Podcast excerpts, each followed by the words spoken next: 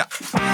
This is the TPO podcast. Kabinet polariseert met stikstof. Het is eh, als een mokerslag eh, op het platteland ingeslagen. En ik kan wel zeggen dat het platteland trilt op zijn grondvesten. Stikstof polariseert VVD. We hebben nu een meerderheid. We hebben ongelooflijk veel ondertekenaars. 866 in, eh, in totaal. En Ivanka getuigt tegen haar vader Donald Trump. This is the president's daughter commenting on Bill Barr's statement that the department found no fraud sufficient to overturn the election. Ja, dat zometeen. Aflevering 360. Ranting and Reason. Bert Bresson. Roderick Phalo. This is the award-winning TPO podcast. Klonk een beetje agressief, maar het is meer enthousiast, zullen we maar zeggen. Ja, nee, ik zou maar zeggen. 360. Ja. Jongen, Zo Ja. bijna 365. En dan heb je dus. Snap Ja. je? 365. Ja, ja. 365 dagen. Ja. Ah, begrijp de rekensom. hey, Bert, het is eh eh, behittegolf in Spanje. Geldt dat ook voor, voor jullie daar op de Canarias? Nee, die eh, Canaria's vallen eigenlijk altijd buiten de Europese weerbeelden. Ja? Dus het zegt niks. Dus het kan in Spanje 40 graden zijn en hier 10. Ja. Ik heb het een keer meegemaakt, 42 graden in Extremadura. Dat is eh, zo'n provincie tegen de Portugese grens aan ligt. Waar het echt altijd het, het droogst is en het warmst Oh is ja. van heel Spanje. Extremadura heet dat. Ik kwam bijna niet uit mijn auto, uit de airconditioning. Want het was echt bloedje, bloedje. 42 graden is mijn maximum. Nee, ik heb hoog gehad op Gran Canaria. Oh ja? Ja, dat, ik woonde in het zuiden en dat was in de zomer, eh was toch op eh, sommige momenten meer dan 45. Eh, en dan kom je buiten, je een wolf, wolf heat dus kom je dan in. Ja. Dat is inderdaad niet, je kan daar niet echt in leven of zo. Wat je zegt, dan wil je gewoon in je auto blijven, Ja. in je huis, maar niet naar buiten. Ja, maar goed. Spanjaarden die krijgen het voor hun kiezen. Het is eh, maandagavond 13 juni. Nederland is diep weggezakt in een stikstofcrisis. Opnieuw wijst de rechter de overheid op afspraken die het niet nakomt. Dat is, eh, volgens mij de tweede of de derde keer al. De intensieve veeteelt moet eraan geloven, want er kan bijna niks meer in Nederland omdat de stikstofniveaus te Nee. hoog zijn. De kloof tussen kabinet, boeren en provincies die is enorm. Dit zijn bij Buitenhof afgelopen zondag achtereenvolgens D66 Tweede Kamerlid Tjeerd de Groot, CDA-gedeputeerde Erik Ronnes van Noord-Brabant. En de laatste die u hoort is namens de boeren Sjaak van der Tak van LTO Nederland. De plannen die er liggen, die zijn onontkoombaar. Want je moet een rechter ervan overtuigen dat je gewoon het land van het slot haalde, wat Dit ik net het. zei. En dit is het wel. We hebben geen enkele keuze. Het is eh, als een mokerslag eh, op het platteland ingeslagen. En ik kan wel zeggen dat het platteland trilt op zijn grondvesten. Het wordt ook niet gezien als een plan, maar echt als kille, een kille rekensom. Hè? Dus, eh, en ja, de bal wordt nu op, eh, op bord bij ons bij de provincies neergelegd. Sjaak van der Dak. Ja, ik vind dit echt een dictaat. Een dictaat die kan echt niet. Wow, jongen, het, echt, het, het is. Dit is nog maar het begin. Alle, precies, alle partijen staan enorm tegenover elkaar. Begrijp je een beetje waar het over gaat? Want het is best wel, kost best wel leestijd om het allemaal te begrijpen. Wat die niveaus betreft en wat nou precies de Nou, bedoeling is. Ik weet, nee, heel beperkt. Ik weet dat het dus, dus een uitspraak is van de rechter dat Nederland zich aan een bepaalde stikstofnorm moet houden. En dat, dat gebeurt dus niet als je bijvoorbeeld gaat bouwen, maar al helemaal niet als je je koeien en je varkens in grote getalen overal laat schijten. Eh, dus, dus komt er eh, een beleid waarin wordt gepoogd die stikstof binnen de perken te houden. Dat is een beetje wat ik ervan weet. Ja. Ik zag vandaag een mooie brief in de Volkskrant. Brief van de dag van Monique Damen, eh, Rijsbergen bij Breda. En die wil ik eventjes voorlezen. Eh, wij wonen op het platteland, schrijft zij, waar de boeren en hun vee moeten verdwijnen. Groene grasvelden met grazende koeien en wuivende maisvelden moeten plaatsmaken voor woningen, industrie, wegen, hectares vol zonnepanelen, windmolens en nog meer kale natuur. Maar laten we eerlijk zijn, je kunt het net zo goed woestijn noemen. Er mag daar geen boom meer groeien. In de Peel hebben we deze kaalslag al gezien. Honderden hectares zijn daar gekapt uit naam van natuurbeheer. Nu groeit er niets meer. Kijk, die veehouderij die moeten stikstof minderen omdat het nu niet meer kan, omdat er nu geen wegen en huizen meer gebouwd moeten worden. Er moeten natuurlijk een miljoen huizen gebouwd worden. Daar gaat het om. En natuurlijk komen er Ja. dan landbouwgronden komen er vrij. En dat is een mooie meenpakker van de overheid, want die kan er dan lekker op bouwen. Ja, ja kijk, wat die vrouw schrijft klopt. Uh, die biodiversiteit raakt aangetast door, door naast stikstof een heleboel andere dingen. Alleen, dit is een uitspraak van de rechter. Weet je, de, Ja. het, het is, het is echt het is heel rechtlijnig. Dat zit een beetje in de naam van de recht, rechtspraak. Het, er staat in die, gewoon in die uitspraak: de overheid moet voldoen aan, aan zus en zo norm. Dus die overheid gaat naar, eh, weet ik wie, wie doet dat? Het, het RIVM of, of dat soort lui, die experts, die zeggen: jullie moeten gaan meten. En dan zeggen hoeveel, hoeveel eh, eh, uitstoot van stikstof we moeten inperken. Zodat we dat dan weer aan de rechter kunnen laten zien dat het klopt.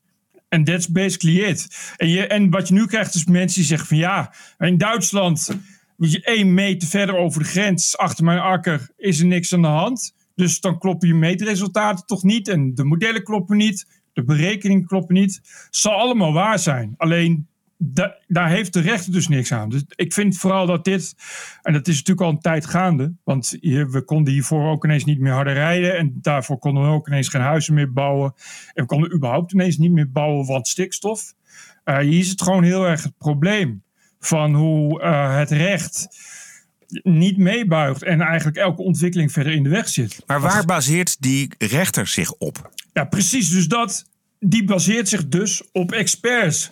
Maar ja, je weet hoe dat gaat. Zeker eh, bij, bij, bij dit soort dingen. Het zijn geen gemakkelijke dingen. Dat is net als bij het klimaat. Het is altijd wel iemand die ook iets anders vindt. We hebben net corona gehad. We hebben gezien hoe dat is gegaan. Met, het, met het baseren van je beleid op wetenschappers.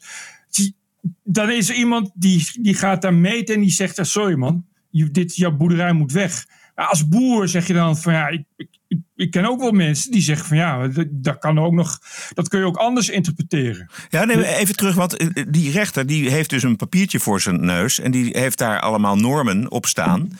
Maar wie hebben die normen vastgesteld? Eh, beleidsmakers. Ja, ik, En, en die baseren zich dan weer op wetenschappers. ja, maar dan laten we dus de democratie leiden door de wetenschap en door eh, de rechter. Nee, precies. Die, hier zie je dus het grote probleem daarvan. Ja. Dat had eigenlijk al, al- eigenlijk.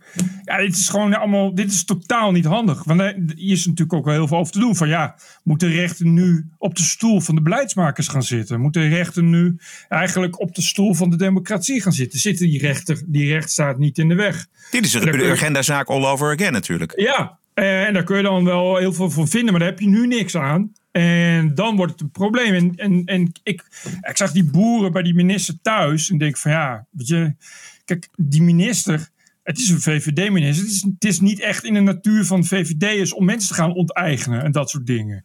Maar ja, zij is minister van stikstofbeleid. Het woord zegt het al.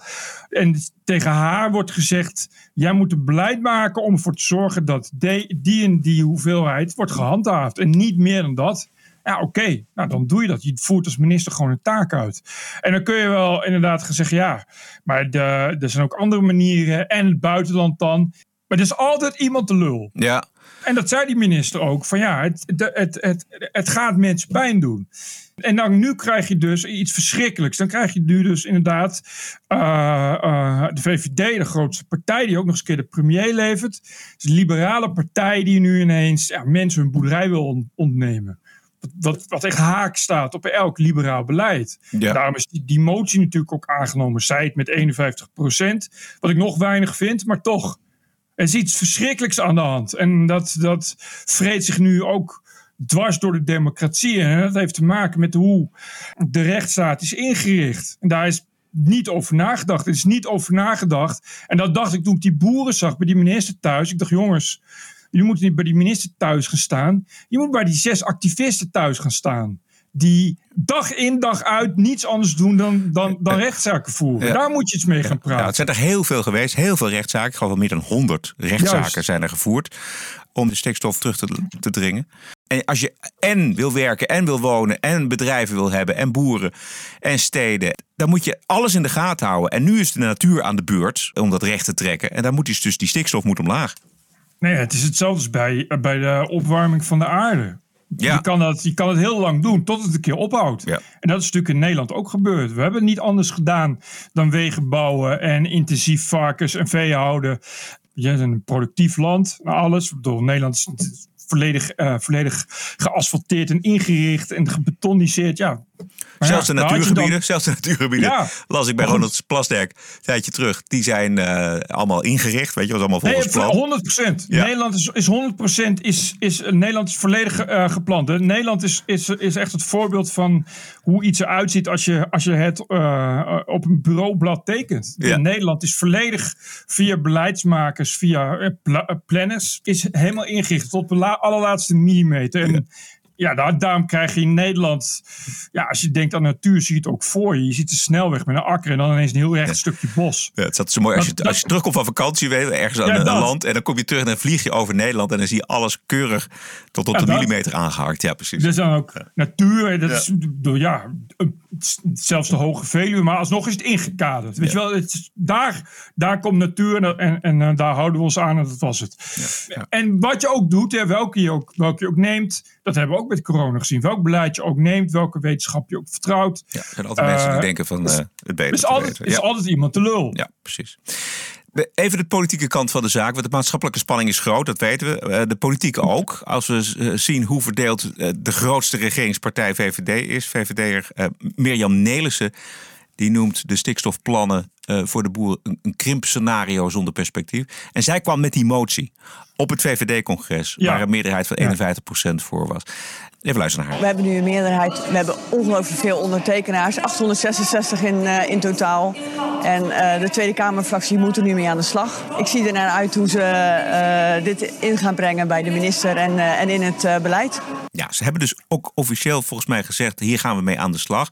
Maar dit wil dus niet zeggen dat, eh, wat zij namelijk graag wil, dat eh, die stikstofplannen terug moeten naar de tekentafel. Nee, integendeel volgens mij, wat ik ervan heb begrepen, is, eh, is Rutte toch eh, vooralsnog van plannen eh, door te gaan met, met zoals die door wilde gaan. Ja, luister maar. Nou, dat gaan we niet doen. Maar we gaan wel verder Oh. ook met alle mensen die hier in de zaal opmerkingen hebben gemaakt, uiteraard in gesprek.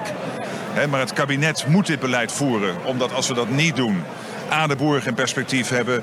B, de grond verder verzuurt, waardoor ook de landbouw op lange termijn niet verder kan. Op korte termijn we geen huizen kunnen bouwen, wegen kunnen aanleggen. Dus dat moeten we doen. Maar dit debat is wel heel belangrijk, omdat het ook de fractie gaat helpen. Om verder, zo voel ik het ook bij die fractieleden, met de partij dat hele stikstofbeleid vorm te geven. Ook samen met de twaalf provincies. Dit wordt echt lastig. En de vraag is of het kabinet de rijen gesloten houdt. Nee, dat wordt lastig. Ja. Maar dat, dat zie je nu al. Als je op je ledencongres al, al Nou. je- die motie wordt aangenomen. En dan moet je dan ineens ook nog...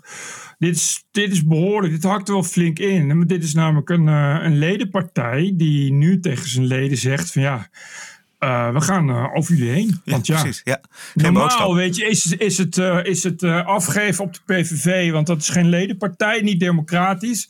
Maar ja, je ziet dan toch, hè, als het uitkomt, dan, heeft dat, dan kun je stemmen wat je wil als lid en kun je je invloed laten gelden. Ja, dan zeggen ze ja, sorry, ja, nee, nu even niet. Uh, En ik weet niet, ik, ik, ja, ik, ik heb er te weinig over gelezen en ik weet niet uh, in hoeverre uh, er, er andere mogelijkheden zijn. Maar het enige wat ik wel weet is dat ja, hij, hij zit er gewoon aan vast. Ik bedoel, het kabinet zit er gewoon aan vast. Het is een uitspraak van de rechter die, die, ja, waaraan je moet voldoen. Dus ja, dus, ja je moet iets doen, denk ik. Precies, maar uiteindelijk moeten dus die de provincies moeten het gaan uitvoeren. Dus die provincies die moeten naar die boeren toe. En wat doe Precies, je als een boer zegt: ja, ik, ik, ik ga mijn bedrijf niet opgeven. Ik, ik, ik, mijn bedrijf bestaat al 150 jaar hier. Juist. En ik ga dat niet doen. En wat doe je dan? Moet, moet je met een enorme zak met geld komen natuurlijk. Je moet dan boeren gaan uitkopen. Ja, dat um, ligt in de strategie ook. Maar ja. je weet hoe dat gaat. Ja. Dat, is, dat is nooit het, nooit het bedrag wat jij ervoor wil. Nee. Dat zal de eerste keer zijn dat, dat de Rijksoverheid met een hele grote zak geld komt. Dat je denkt van nou, daar kan ik geen nee tegen zeggen. Dat nee. zal wel niet. Dat ja. zal dan wel zijn dat we eerst een mannetje sturen die het gaat waarderen. En dan blijkt er een waarde uit te komen waarvan jij denkt van dat is wel een fascinerend lage waarde. Is het niet? Ja. Dus uh, zijn, dat las ik ook al. En dat boer zegt, ja, ik, dit is, ik heb dit vanaf de grond opgebouwd. En ik, ik wilde mijn kinderen dit doen. En, en, als, als, en dan, wat je dan gaat krijgen is dus dat de boeren zijn die zich niet laten uitkopen. Ja. Ja, die moet je dan gaan uh, ja, onteigenen en ja, zo. Dat, dat gaat heel, heel gezellig worden. Ja, ja. Uh, als je naar de kant van de boeren kijkt, dan uh, is het wel zo, dat heb ik gelezen, dat, het, dat die boeren de laatste jaren al ongelooflijk veel regels eh, Ja. hebben opgespeld gekregen. Of het nou gaat om melk, et cetera. eh, Whatever. Alles, een, boerenbedrijf runnen is om gek van te worden. Ja. Dat is helemaal niet zo romantisch als we dat zien al bij Boer zoekt vrouw. Maar, het- nee, maar het, het is echt verschrikkelijk. Dat zorgt natuurlijk ook voor weinig flexibiliteit bij die boeren. Maar ja, dat het zal moeten. Niet doen is geen optie volgens mij. Nee, dat is dus het probleem. Maar eh, ja, het kon wel eens een, eh, een hoop ministers gaan kosten. Zoals altijd bij dit soort extreme hete hangijzers. Ja. En wellicht ook een kabinet. Nog een nachtmerrie dus voor, voor Rutte en zijn eh trawanten. Ja. Hij heeft eigenlijk nooit een relaxte regeerperiode gehad eigenlijk. Hè? Al- Nee, vanaf dat moet je hem wel nageven. Ja. Al bij het eerste kabinet Rutte, dat toen met gedoogsteun van de PVV was er al onmiddellijk gedonderd. Dat ik geloof dat Ja, het al eh, ja. nauwelijks een jaar bestaan, dat kabinet. Eigenlijk het enige kabinet was dat met de Partij van de Arbeid. Dat vond hij een fijn kabinet. Omdat het ook goed klikte met Samson. Ja, dat ging hem vrij en ook wel vrij makkelijk af. Ja, tot, en het, ik we- tot het niet meer ging. Nee, Maar, eh, nee maar en ik, wat ik nog kan herinneren is dat het kabinet ook zo productief was. Weet je wel? Dat kunnen we ons nou nu Ja. eigenlijk niet meer voorstellen. Maar ik geloof dat die halverwege de termijn... we hadden, hadden ze alles al bereikt. Was alles, al, Ja. alles wat ze van plan waren, al het beleid was al uitgevoerd, was klaar. Zo hard en zo snel ging het. het was, eh, dat kabinet heeft alleen heel lastig uitgepakt voor de Partij van de Arbeid. Ja, nee maar, en- nee, maar het is hem niet gegund. En dat is Nee. altijd wel duidelijk. Ja. Het universum is duidelijk ook niet zo heel blij met Rutte telkens. Eh, en, en dit eh, gaat nog wel verder. Dit, gaat, dit vreet zich ook echt in de VVD. Hè. Dat, dit is waarschijnlijk het eerste ledencongres van, van nog vele die zullen volgen. Ja. Eh, omdat ja, je, je zit nu met, dit, ja, met, met leden dus die een motie hebben ingediend die ze straks niet gehonoreerd zien. Ja, dat, is echt, dat is echt heel ernstig. Zeker bij een keurige ledenpartij als de, als de VVD. Bovendien dus, wat ik al zei. Die, de, straks krijg je dus de bizarre situatie... dat een regeringspartij die moet gaan on- onteigenen. Die, die onder, ondernemers moet gaan verplichten hun, hun boedel te verkopen. Uitgerekend de VVD. Ja, je verzint het gewoon niet. Nee. Weet je wat ook zo raar is? Dat het, het kabinet eigenlijk geen meerderheid meer heeft. Ja, officieel natuurlijk wel. Maar als je kijkt al de afgelopen maanden in de peilingen... weet je, het leunt op, een minderheid. Het is niet geloofwaardig meer. En dat vind ik wel zorgelijk. Dat, het, dat er zoveel onvrede blijft hangen. Ja. Eh, en of het nou met de communicatie te maken heeft. Of wat, dan maar dit is weer grote onrust erbij. Maatschappelijke onrust. Ja, exact. Nee, dat. Maar precies dat. Ja. En het, het was al erg. Ja, het was al erg. En straks de het begint nu 22e. Sorry. Ja, dan? Nee. Nou, 22e, dan de trekkers en de boeren trekken Ja. dan eh, naar het Malieveld. Dan krijg je dat weer. Nee, en het komt, ja, maar en het komt nu ook nog allemaal bij elkaar. Hè? Dus, dus ook de oorlog in Oekraïne, waardoor het eten duur Ja. wordt. En inflatie die gierend uit de klauwen loopt, waar ze eigenlijk ook geen raad meer mee weten. Koopkrachtreparaties kunnen ze eigenlijk ook niet meer. Eh, en het loopt allemaal, het wordt allemaal, komt het zo bij elkaar. Dus eh, ja, en, en dat, dat begint toch wel een beetje, ja, spannend Ja. worden op Ja. die manier. Ja. En inderdaad, volgens mij Rutte heeft een approval rating van eh, ja, 17% of zo. Eh, weet je wel, het kabinet Rutte, dit kabinet Rutte. Als je dat in, eh, in de Verenigde Staten doet, dan word je geïmpeached, denk ik. Als Biden tot aan de 17%. Weet je, dus het is ook echt... Het is ook niks, inderdaad. Wat je zegt, het is ook eigenlijk, eigenlijk geen echt kabinet meer. Eigenlijk geen echte regering meer. Het, zit er, het zit, staat er dramatisch voor. Als je kijkt naar die eh, opiniepeiling van afgelopen zondag van Maurice de Hond. Ja, om het nog eventjes erger te maken. Dan zie je dus eh, VVD op 27 staan. Maar de fusiepartij, Partij van de Arbeid GroenLinks, die staat op 28. Dus die wordt in één Ja. klap de grootste.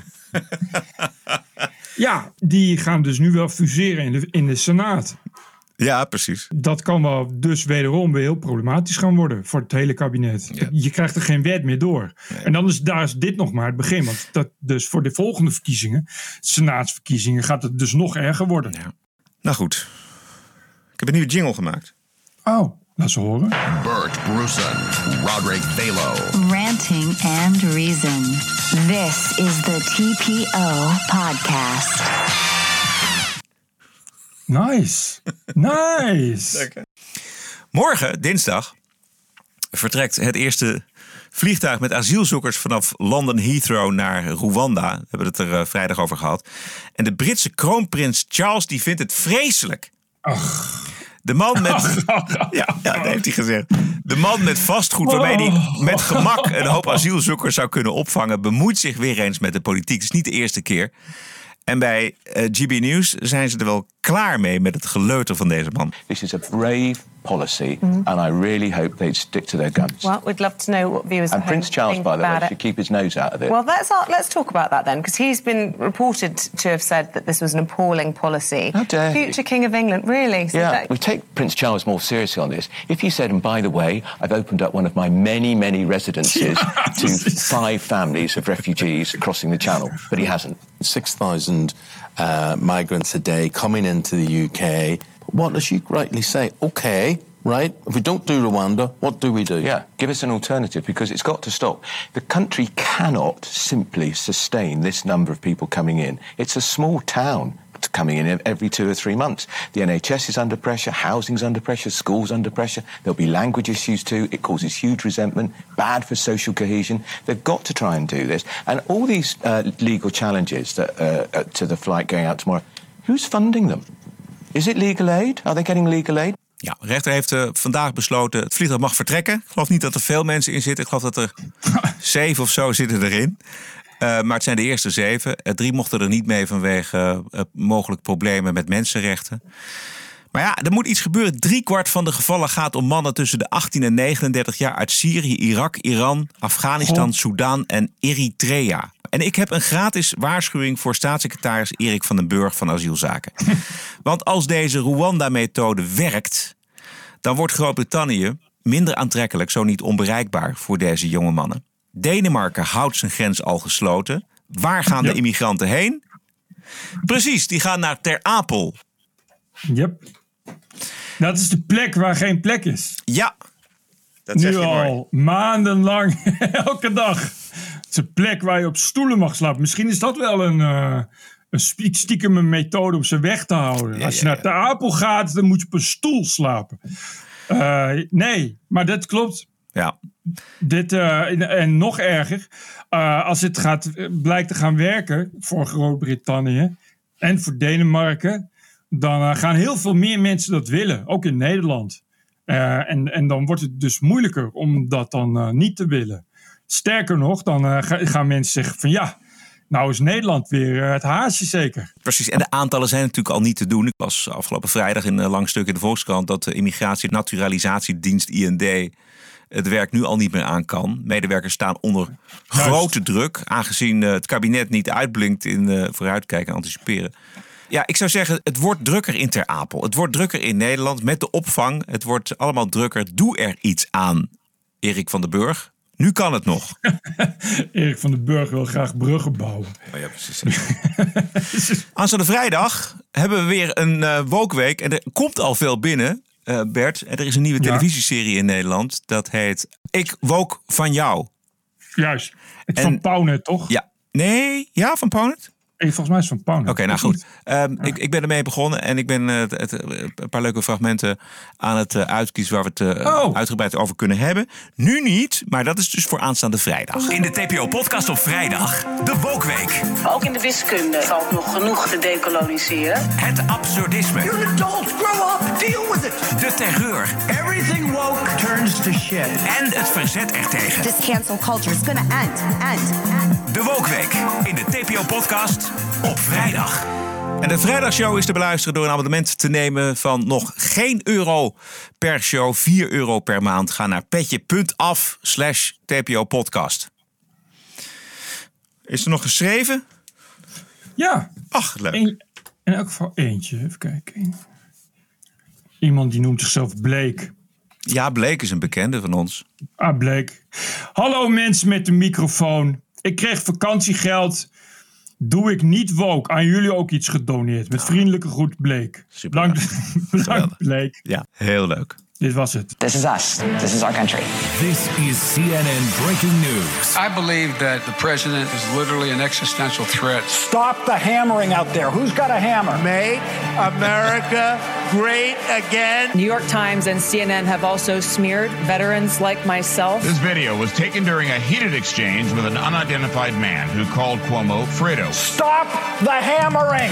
This is the TPO podcast. News 630 WMAL, Washington. Ja, is een oudje. Die kwam ik tegen vanmiddag, dus dacht we ook wel even te draaien. De verhoren over de bestorming van eh, het Capitool op 6 januari vorig jaar zijn eh, vandaag doorgegaan. Kernvraag is in hoeverre was president Trump betrokken als aanjager bij de bestorming.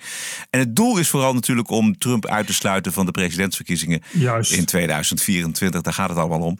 Wat duidelijk wordt is dat eh, Trump wel zo'n beetje als enige in het Witte Huis nog geloofde dat de verkiezingen van 2020 vervalst waren. Eh, zijn minister van Financiën, nee, van Justitie. Zijn minister van Justitie, Bill Barr, die vond namelijk voor alle beweringen van Trump geen enkel bewijs. repeatedly uh, told the president in no uncertain terms uh, that uh, I did not see evidence of fraud.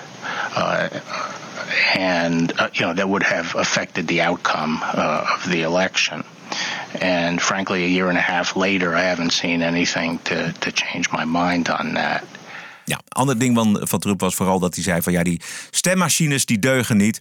Maar ook daar werd onderzoek naar gedaan en ook daar zei Bill Barr, ja, die, er is, wij kunnen echt helemaal niks vinden uh, waar jouw beweringen op gebaseerd zijn. I saw absolutely zero basis for the allegations, but they were made in such a sensational way that they obviously were influencing a lot of people, uh, members of the public, that there was this systemic corruption in the system and that their votes didn't count and that these machines controlled by somebody else were actually determining it, which was complete nonsense.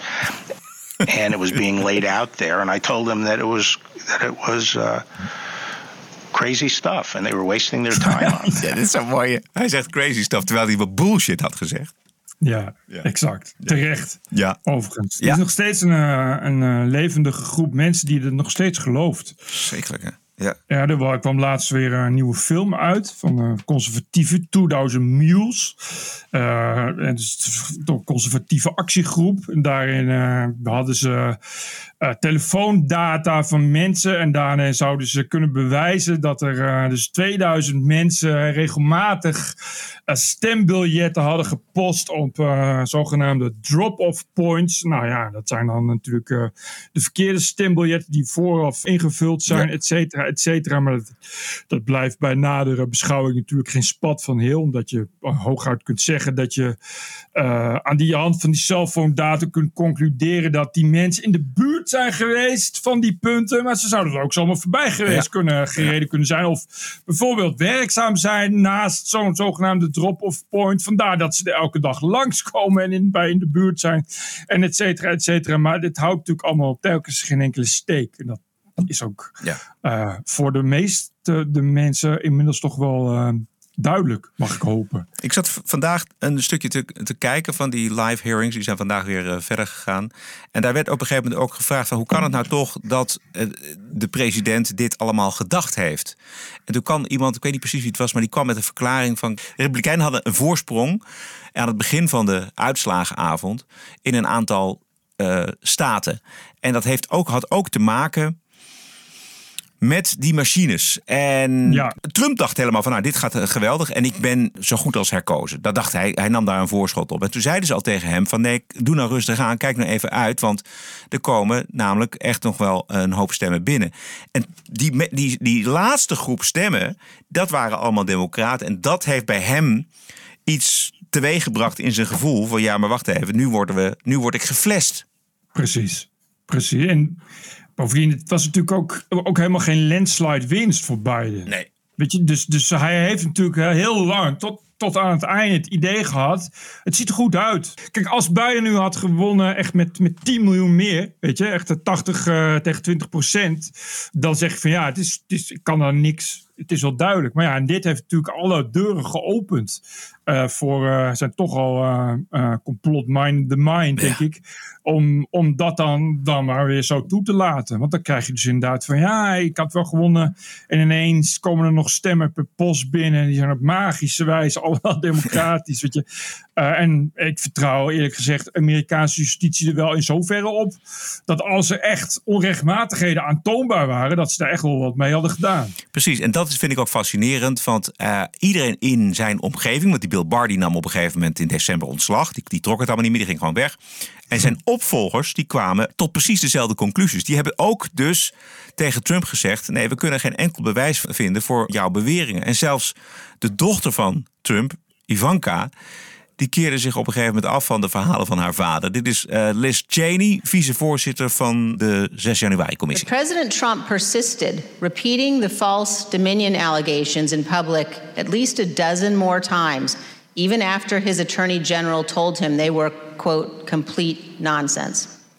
And after Barr's resignation on December 23rd, the acting attorney general who replaced him, Jeff Rosen, and the acting deputy, Richard Donahue, told President Trump over and over again that the evidence did not support allegations he was making in public. Many of President Trump's White House staff also recognized that the evidence did not support the claims President Trump was making. This is the president's daughter commenting on Bill Barr's statement that the department found no fraud sufficient to overturn the election. How did that affect your perspective about the election when Attorney General Barr made that statement? It affected my perspective. Um, I respect Attorney General Barr. Um, so I accepted what he said, was saying. Ja? Ja, terecht. Moet je je voorstellen, dan ben je dus president en dan ben je nog maar de enige in het Witte Huis die gelooft in zijn eigen verhaal dat er fraude is. En je laat je niet overtuigen. Kijk, uh, alternative facts, weet je wel. Ja. Die, kwamen, die zijn niet uit het niets gekomen. Die zijn toch gekomen uit het hoofd van iemand die, uh, als het op aankomt, toch in zijn eigen dingen gaat geloven. Ja. Maar ja, dat, dat zie je ook bij, na de coronacrisis en tijdens de coronacrisis. Nepnieuws en dat soort dingen. Je kan bewijzen dat je een ons weegt. Doet er gewoon allemaal niet toe voor dat soort lui. Ja. Als ze ergens in geloven, geloven ze gewoon ergens ja. in. Ja. Ik had niet gedacht, ja, inmiddels natuurlijk wel, maar goed, ik had eigenlijk niet gedacht dat, dat hij hiertoe in staat was deze Trump. En het is onmiddellijk ook de vraag van ja, is het, moeten we ons verheugen op een, op een tweede termijn in 2024? Nou, verheugen sowieso. Als hij mee gaat doen, is het altijd leuk. Al helemaal. Ik begrijp dat het nog helemaal niet zeker is uh, of, of Biden mee gaat doen. Dus stel je voor dat Biden ook weer mee gaat doen. Dat zou helemaal grappig zijn. Ja, nee, maar los, van de, los, van, de, los van de grap. Ja, nee, maar ja. Ja, nou, ja, ik, ik, uh, ja, ik weet het niet. Het is, uh, het is, um, het is niet best. Ik denk dat uh, voor Amerika het beste zou zijn als je gewoon weer een serieus normaal iemand Ja, dat denk ik, ben ik daar helemaal mee eens. Gewoon een, een, een, conservatieve, serieuze, toch verbindende, om dat woord maar even te gebruiken, verbindende Amerikaan. Ik, ja, want hè? kijk, iemand als Obama, je kan ervan zeggen wat je wil. Maar het is wel, was wel een goede president op die manier. In, in, in het verbindende. Weet je, ja, die, ja, daar denken de Amerikanen echt anders over. Maar goed. Nee, ja, maar ik, ik, ik denk van ja, weet je, ga in godsnaam. Als het. Als je moet stellen dat je weer moet gaan kiezen tussen, tussen Biden en Trump. Oh, het is beide gevallen een drama. Vreselijk, vreselijk. Als we het voor het zeggen hadden, dan zou ik denk dat het goed voor Amerika en goed voor de rest van de wereld is als er in ieder geval geen woke-president komt, die daar dus allemaal geen boodschap aan heeft, die niet in de knel zit, of het nou democratisch of, of republikein is. Maakt maar niets voor uit eigenlijk, als het maar gewoon een, een beetje inderdaad een degelijk iemand. Dat zou ja. echt, echt gewoon goed zijn. Gewoon oh. iemand die, die normaal ook kan denken. Iemand die van zaken weet. En dus, en net als Trump, uh, goed kan zaken doen. En Elon Musk zou misschien wat zijn. Zuid-Afrikaan. Ja, wat nog meer? Ik ben er een beetje doorheen wat nieuws betreft. Ja, ik ook. Er was niet zoveel nieuws ook. Nee. Het is, moeilijk te, het is moeilijk ja, ja. te vinden, het nieuws. Nou, je had een mooi lijstje van uh, de, mainstream media... die uh, toch een hele lange lijst met nieuws hadden. Ja, maar dat is dus allemaal geen nieuws. Het is alleen maar, eh, alleen maar slachtoffergedoe en, eh, en, en, en dingen, dingen eromheen om te laten zien hoe goed je deugt. En het is allemaal heel klikbaar en leesbaar en het levert dan dus extra cash op. Maar met nieuws heeft het niets te maken. En, ja. Precies. Elke dinsdag en vrijdag online via je favoriete kanalen. Vergeet je abonnement niet voor de vrijdagshow. Je steunt ons, de TPO-podcast, jouw podcast, al voor minder dan 50 eurocent per aflevering, 4 euro per maand. En vrijdag krijg je natuurlijk de one and only Wokweek. Petje.af slash TPO-podcast. Heel veel dank. Stay cool. En tot vrijdag!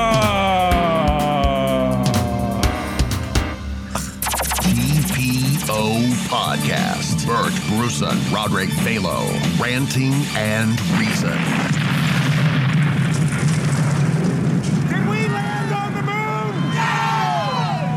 Podcasting is the TPO podcast in the Netherlands. Bert en Roderick. What a show. I'm telling you. Beste podcastluisteraars, tot vrijdag.